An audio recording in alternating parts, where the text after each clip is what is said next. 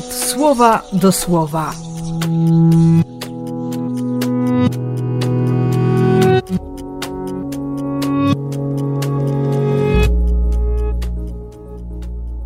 Trzynasty lipca, czwartek.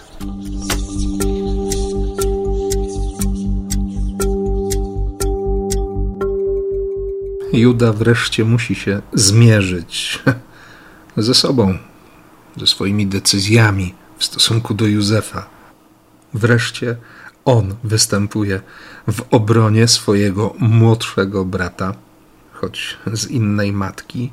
No właśnie, rodzonego brata z ojca i matki dla Józefa, którego wcześniej z jego, z jego podpowiedzi sprzedano w niewolę. To przyznanie się, to zachowanie Judy, ta prawdziwość, za którą Józef chyba tęsknił, której się tak zwyczajnie z tytułu sprawiedliwości domagał. To otwiera serce. To ja jestem. I ty i ja wiemy dobrze, że Bóg nie przekreśla żadnej historii, że Jemu naprawdę zależy na całym naszym życiu i że całe nasze istnienie, całą naszą przeszłość i wszystko, co się wydarzy w przyszłości, On chce zbawić. W taki sposób przeczytać swoje życie. Nie smućcie się, nie wyrzucajcie sobie. Dla waszego ocalenia. O szczęśliwa wina.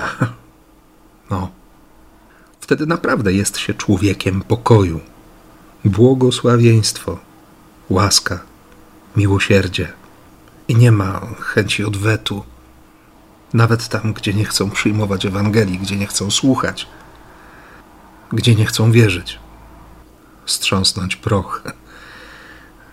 Nie po to, żeby potępić, żeby wydać osąd, tylko zaznaczyć wyraźnie: Nie zabieram ci nic. To Twoja wolna decyzja. Możesz, nie musisz, możesz. Możesz przyjąć, możesz uwierzyć, możesz kochać, możesz żyć, ale jeśli nie chcesz, chcę wierzyć, chcę ufać, chcę kochać, chcę żyć. Wierzę głęboko, że Ty też.